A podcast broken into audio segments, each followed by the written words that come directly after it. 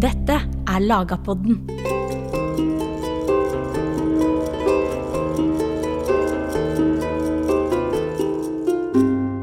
Etter landslov av 1274 var kongen Guds ombudsmann og styrte den verdslige delen av riket, mens biskopen var Guds ombudsmann som styrte den åndelige delen av riket. Derfor regulerte landsloven bare verdslige spørsmål, mens de åndelige spørsmålene, som til dømes om ekteskap, ble regulert av kyrkja sin rett, den kanoniske retten som ble kalt for kristenrett. I en avtale mellom konge og kirkemakt i 1277, kalt Settagjerden, ble lovgivning og domsmakt fordelt mellom disse to delene av det vi kan i dag kalle for ei statsmakt. Men i Settagjerden finner en òg ofte ganske generelle formuleringer, og praksis var derfor langt mer mangfoldig enn det en kan lese ut av denne avtalen.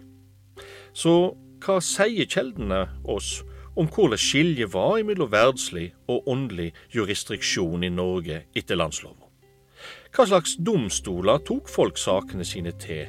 Hva slags domsordninger ble lagt for å bygge bru over dette skiljet mellom verdslig og åndelig makt? Og i hva grad kan vi slutte oss til at skiljet mellom åndelig og verdslig makt faktisk var viktig for folk i deres hverdag? Med oss for å svare på disse spørsmålene har vi Anne Irene Risøy, som er professor i historie ved Universitetet i Sørøst-Norge. Du hører på Lagerpodden, en podkast av Nasjonalbiblioteket. Mitt navn er Jørn Øyrehagen Sunde.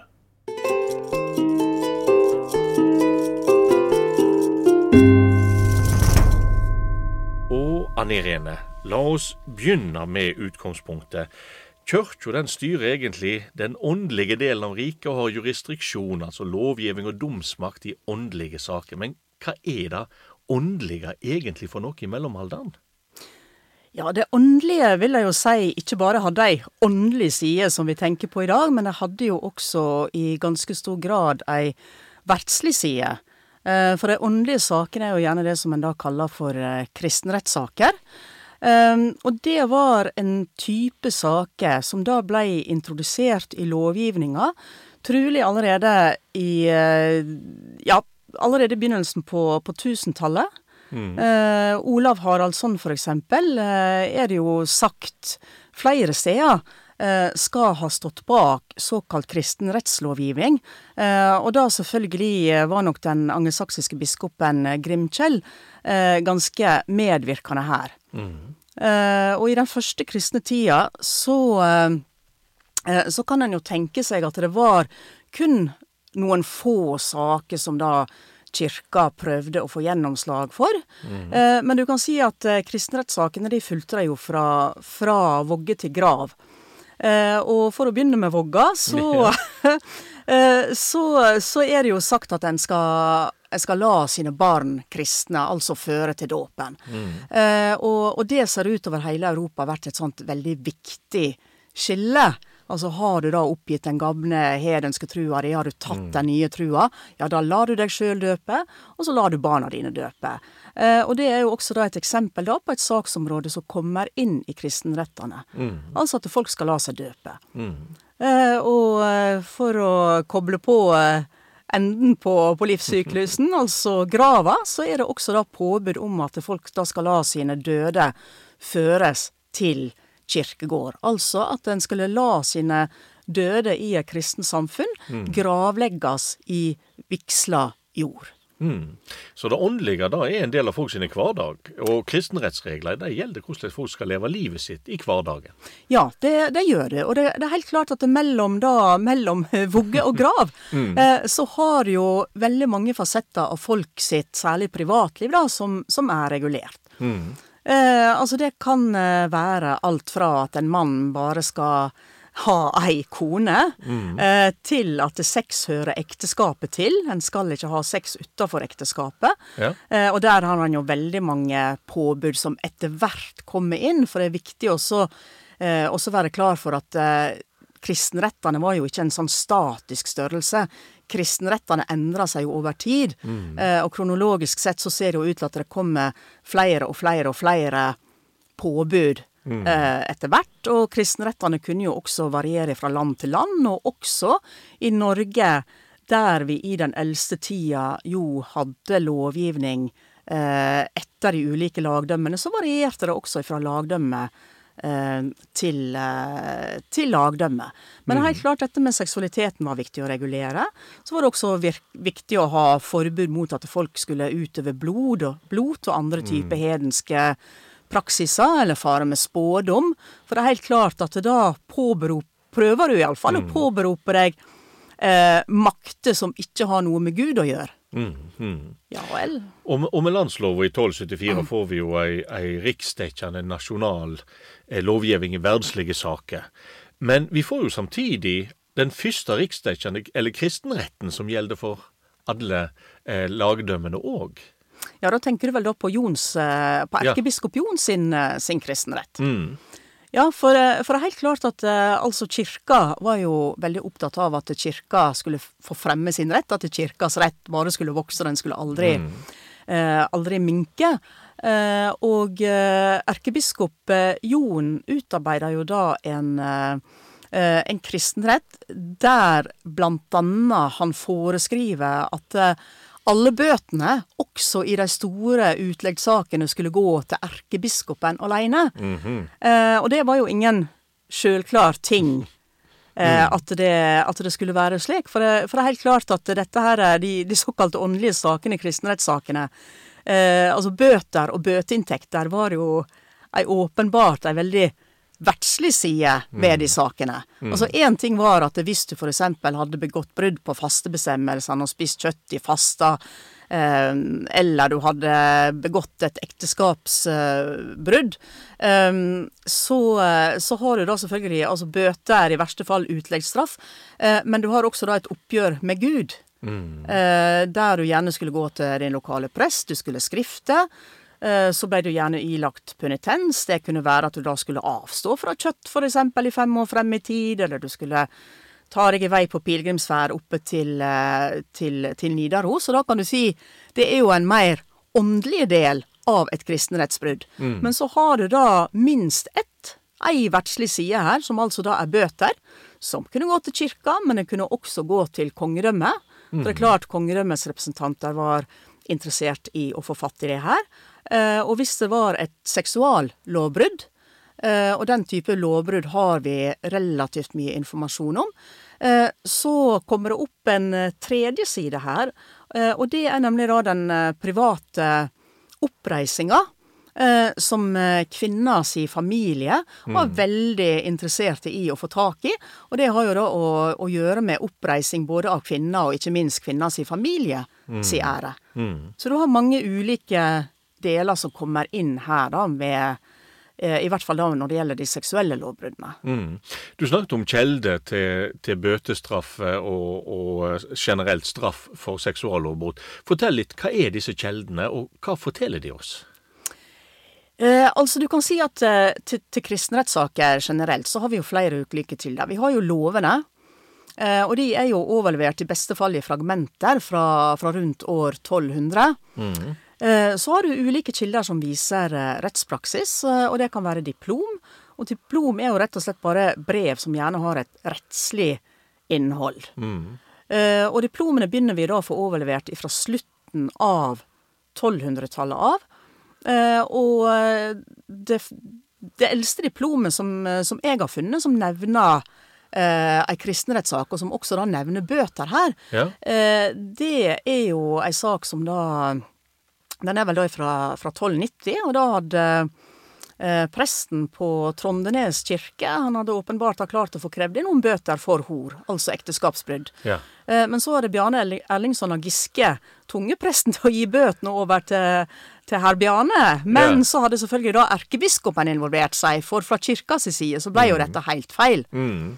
Uh, og, og, det er jo da overlevert fra 1290 i et diplom. Men det som da er veldig interessant når man snakker om kilder, og det er jo hvor tilfeldig kildeoverleveringa er. Mm. For, uh, for, Trondenes den ligger jo i, uh, i Nord-Norge. Ja, Utenfor Harstad. utenfor Harstad, ja. Og da må vi faktisk vente helt til ja, 1430-1440-tallet før det dukker opp nye saker som viser kristenrettsbrudd fra den landsdelen. Eh, og det er fordi de da tilfeldigvis begynner å dukke opp i Aslak Bolts jordebok. For jordebøkene kan nemlig også gi oss kilder til kristenrettsbrudd. Eh, For, eh, for jordebøkene fører ikke bare inn vanlige kjøp og salg. Eh, Men si hvis jeg levde i middelalderen og da hadde begått et alvorlig brudd mot fastebestemmelsene, f.eks. spist hestekjøtt, som jo var skikkelig ille, eller jeg kanskje hadde hatt eh, sex utenfor ekteskap, attpåtil med tremenningen min, Dette blir bare verre og ja, dette blir bare verre og verre. Men da er det klart at da var lovbruddet såpass alvorlig at det holdt ikke for meg å kanskje bare bøte to kyr og to sauer og kanskje et par kobberkjeler og noen penninger. Eh, da røyk gjerne gården min inn som ei bot. Eh, og på den måten så kan man se eller lese av kristenrettsbrudd, også da typisk i jordebøker. Fordi folk hadde gjort noe alvorlig, de måtte bøte til biskopen, gården røyk, og da gikk gården over i biskopen sin eie, eller erkebiskopen sin eie, og altså da ført inn i jordbøker. Mm. Uh, og når vi da kommer eh, helt på på slutten av eh, katolsk tid, fra rundt 1520-åra, eh, så får vi eh, enda ei ny og interessant type kilde som kan gi oss informasjon om, eh, eh, om rettspraksis i kristenrettssaker, og det er rett og slett lensregnskapa, eh, som også da har bøteregistre. Eh, De er dessverre veldig kortfatta, for der, eh, der leser du gjerne bare at eh, Per bøtte ei ku for, eh, for leiemål. Mm. eller eh, Pål og Jorid eh, bøtte eh, fem kyr for eh, enkelt hor. Men, men du får i hvert fall et, et visst innblikk i at ja, folk begikk kristenrettsbrudd. Og ja, det offentlige, enten det nå var kirka, eller det var representanter for kongedømmet, gikk inn. De straffa folk for det, og de fikk inn bøter for det. Mm. Kan du gi oss bare en sånn kort oversikt? Hva, hva er de hyppigste bruddene på kristenretten? Jeg har en mistanke om at det blir mye sex nå, men eh, du får ta, ta og gi oss en, en kort oversikt. Ja, du, det, det blir ganske masse sex, Jan. Det, det, det blir det. Eh, for eh, altså, jeg har jo eh, gått gjennom eh, rubbel og bit av, mm. av det som er kilder som, som viser eh, eh, viser rettspraksis, og der er det masse sex. Eh, fra middelalderen så har vi dessverre bare ei sak, for eksempel, som eh, har et element av trolldom i seg, og det er Ragnhild Trega Ja. Gås fra Bergen. Og det, det er ei sak som alle kjenner, fra 1320-tallets eh, Bergen. Eh, og hun, men også den saka inneholder nemlig et ganske stort element av sex. Ja, ja, ja. Og det, den er egentlig helt kongesak, fordi godes... Ja, gi, gi oss litt fakta nå. ja, godeste Ragnhild, hun Ja. var jo gift. Mm. Så hadde hun da falt for Jeg er ikke helt sikker på om det enten da var søskenbarn eller var tremenningen. Tremenning, tror jeg. Tremenningen, ja. ja. Eh, og så hadde hun også i tillegg da brukt trolldom. Det var jo froskeføtter, og noen formler var eh, involvert her. Så, så hun hadde liksom da gjort ganske mye for å da få, få nevnte attraktive tremenning på, eh, på, på kroken. Mm. Eh, og eh, så, så som sagt, dette her er jo ei sak som da har Altså flere brudd på Ja. kristenretten er jo involvert her. Eh, og det som òg er, eh, er med den saka, den er jo da overlevert i kopiboka eh, til biskopene i Bergen, som også er ei kilde som er helt sånn tilfeldig overlevert. Eh, og her får vi da bare eh, informasjon eh, når det gjelder liksom oppgjør av saka i, i form av eh, skrifter og, eh, og altså skriftemål og, og penitensen. Mm. Mm. Men, eh, men, men dessverre, jeg skulle gjerne sett at det var flere saker om trolldom som hadde vært overlevert fra norsk middelalder, men, eh, for det hadde vært veldig morsomt. Men, men det er den vi har. Og så ellers så er det mye sex. Ja. Eh, Og der har vi da hele spekteret er overlevert. ja. Eh, I lensregnskapet der har jeg vel funnet ei sak, og der er det to menn som da bøtte for kjetteri. Eh, og kjetteri var jo da et begrep som ser ut til å omfatte virkelig alvorlige brudd på Guds orden. Så, så typisk da homoseksualitet, eh, bestialitet, alvorlige former for incest var jo da dekka av, av dette kjetteribegrepet. Men der har du altså da to menn. Eh, så har det også da overlevert ei sak om bestialitet. Eh, Som er seksuell omgang med dyr. som er seksuell omgang med dyr. Eh, og der eh, endte jo da mannen som hadde gjort det her, han endte jo da på bålet. Så han ble altså da brent på bålet. For det er klart, eh, bål og brann, det var jo også noe som bidrar til rensing. Altså du har jo trolig her av Bibelen som forbilde. Altså Sodoma og Gomorra, og, og, og var det virkelig ille, så skulle Gud da komme inn og, og rett og slett brenne bort uh, styggedommen. Men homoseksualitet ble altså bøtt for. Det ble ikke straffa med bål og brann. Eh, den saka ser det ut til at de, de trolig har tatt rubbel og bit av det de eide. Akkurat, ja. Okay. Eh, men det kan, eh, det kan selvfølgelig også være at et annet sted i det lensregnskapet som da kanskje har gått tapt, så kan det kanskje ha vært en notis Ok. Mm. at i tillegg kan det ha vært utgiftebøddel. Men jeg, jeg har ikke klart å finne det. Så, så det er ikke helt utenkelig at de to også faktisk da eh, endte, endte med døden, i tillegg til at alt de eide blei Mm. da konfiskert. Men det vanligste er vel sannsynligvis hor og leiermål, og kanskje skal vi forklare leiermål er jo seksuell omgang mellom to ugifte. Ja. Eh, ja, så det, det er nok helt klart de to vanligste kategoriene. Men du kan si at uh, Og det, da definitivt da leiemål, som, eh, som nok da det mest vanlige. Men, uh, men problemet med leiemål, det er jo at det var relativt sånn lett brudd på, på, kristen, på kristenretten. Det var ikke så veldig alvorlig. Altså, det ser ut til at det allerede på slutten av 1100-tallet så ser det ut til at det har kommet inn da i Frostatingslova altså forbud også da mot leiermål mellom ugifte. Men det var jo mindre alvorlig enn hor, og hor hadde de to kategorier. Du hadde enkelthor, der var du én ugift og én gift part. Og så hadde du dobbelthor, der begge parter var gifte. Ja. Og det igjen var mindre alvorlig enn incest, f.eks. mellom søskenbarn, som igjen var mindre alvorlig enn bestialitet. Men for å gå tilbake til, eh, til de leiemålssakene, så er det klart at eh, det som ser ut til å ha vært rettspraksis, eh, og, og det er gjerne da at mannen da, den mannlige parten da bøtter ei ku. Og det er klart, ei ku er jo, sjøl om det for en vanlig arbeidskar kanskje kunne tilsvare ei halv årslønn eller ei årslønn, Ja. så var det uansett ikke så alvorlig som at du da måtte bøte hele gården din.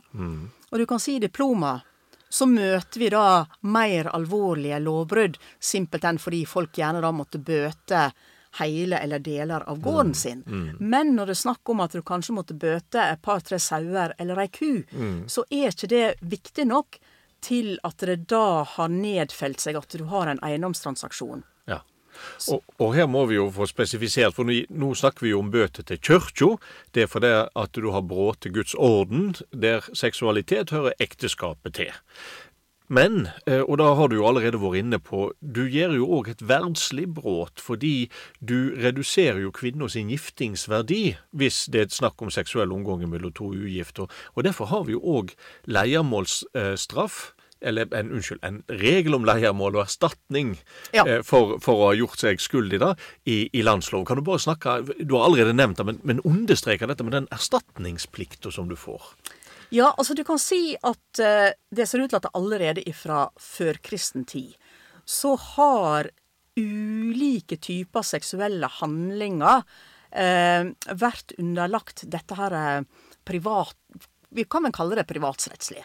Eh, og, og det betyr jo da enkelt og greit at hvis en mann da hadde hatt seksuell omgang med en annen fri mann, si datter, kone Eh, enkelte paragrafer går jo veldig langt her og lister opp tante og, og, og bestemor og søster osv. Ja, det, er vel, det er vel i Borgarting kristenhet hvor det er 13 typer kvinner? Ja, de har og- 13 typer kvinner, og også da er det også lista opp sosialrettslig. Ja, ja. Der hvis du var en haul, altså en, en skikkelig Altså høyt på, på strå, Ja. eh, en virkelig gjev bonde, så, Ja. så hadde du da kontrollen, kan du si, da på hele 13 kvinner. Ja. Eh, og, og da betød det da at da måtte elskeren da ut da med privat oppreising. Eh, og i førkristen tid, og egentlig også lenge etterpå, helt fram til landslova, så, så kunne du jo også da risikere å bli drept. Mm, Fordi i sånne tilfeller så ser det ut til at eh, hevndrap eh, faktisk var noe som man godt kunne gjøre uten å risikere noe strafferettslig forfølging av det. Um, og, eh, og etter hvert så, så, ser man, så ser det da ut til at dette her med at det da en eller annen form for økonomisk kompensasjon da tar mer og mer over, og hevndrap Ja. da blir, blir fasa ut. Men, eh, men denne her privatsrettslige sida, den ser jo ut til at man også har lenge etter reformasjonen, langt utover på, på 1600-tallet iallfall. Og da er vi jo inne på dette med at eh, enkelte saker de kan jo både sokne til kirka sin domstol og kongen sin domstol, og de hadde jo hver sine domstoler. Men du har jo òg studert hvordan de kunne lage løsninger for å få dette inn for en slags fellesdomstol. De kunne lage adhocdomstoler. Ja, altså du kan si når, når man snakker her om altså type domstoler som var, var involvert, så ser det jo rett og slett ut til at det her kunne det være rubbel og bit. Ja. Eh, en del saker ser jo ut til å havne typisk da på bygdetinget. Eh, og eh, det som gjerne kunne ligge bak, det, det kunne jo rett og slett være at det var vært litt sånn rykte i, i bygda. Noen hadde sett, eller noen hadde hørt. Og, og loven opererer jo også med sånne eh, begrep som sjonarvitne, altså vitne som ser, eller høyrevitne, vitne som har hørt noe. Eh, og det, det gir jo også da uttrykkelig klar beskjed om at hvis færre enn en fjerdedel av de som er på tinget har hørt om dette her, så blir det kalt for bygdafløyt, altså rett og slett bygdesladder, og da skal man la det ligge. Ja. Men eh, med flere som hadde hørt om dette her, da, da kom eh, saka gjerne da opp da på, på det lokale tinget. Eh, og eh, det trengte ikke nødvendigvis da å være, si for eksempel biskopens lokale ombudsmann, som kunne være presten, men det kunne like gjerne være en lekmann. Ja. Som da var biskopens lokale ombudsmann som reiste den saka. Eh, en ser eksempler fra kildene om at også privatpersoner kunne finne på da å så reise ei sånn sak på tinget, simpelthen fordi de var interessert i å reinvaske seg. De visste det gikk rykte på bygda.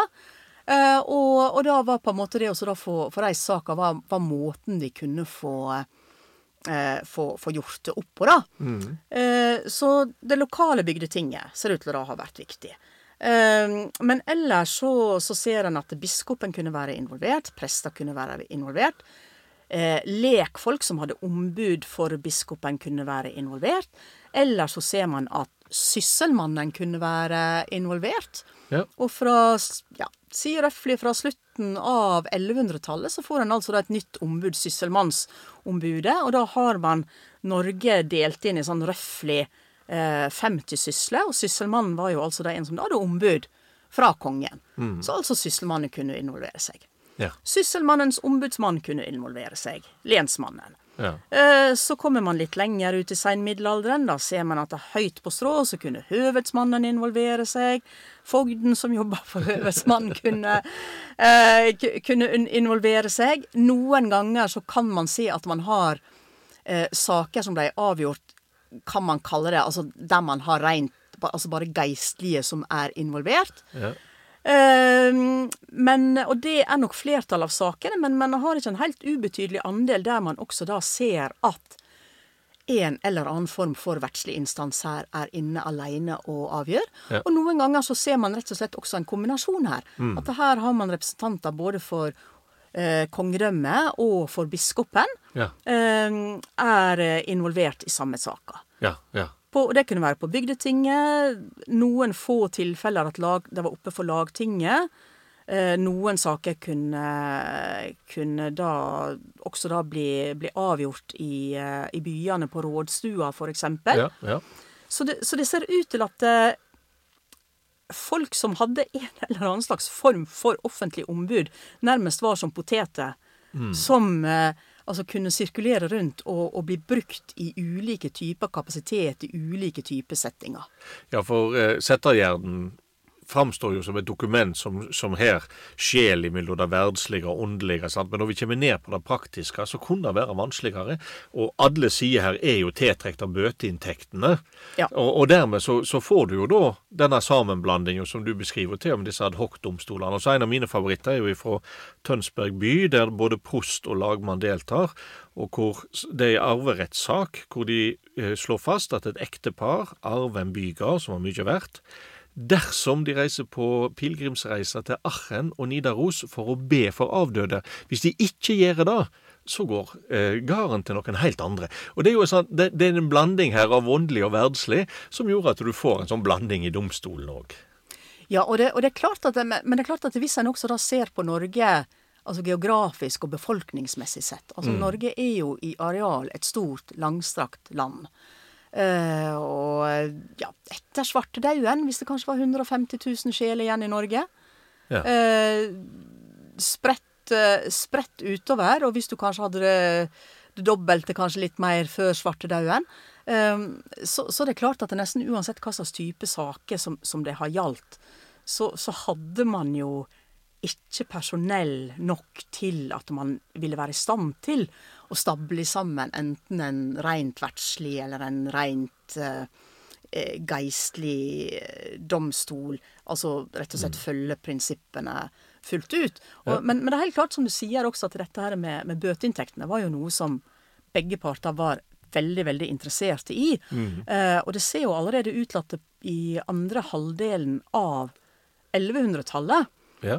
eh, så har man jo egentlig ganske klare indikasjoner på at i alle fall i, eh, eh, i eh, Trøndelag, og det var jo der erkebiskopen hadde sitt, sitt sete, i, i Nidaros. For, eh, for Norge ble jo, altså Den norske kirka ble jo ansatt som å ha kommet såpass til modning eh, at Norge fikk jo sitt eget eh, ble jo sitt eget erkebispe eh, i eh, 1152-1153. Ja.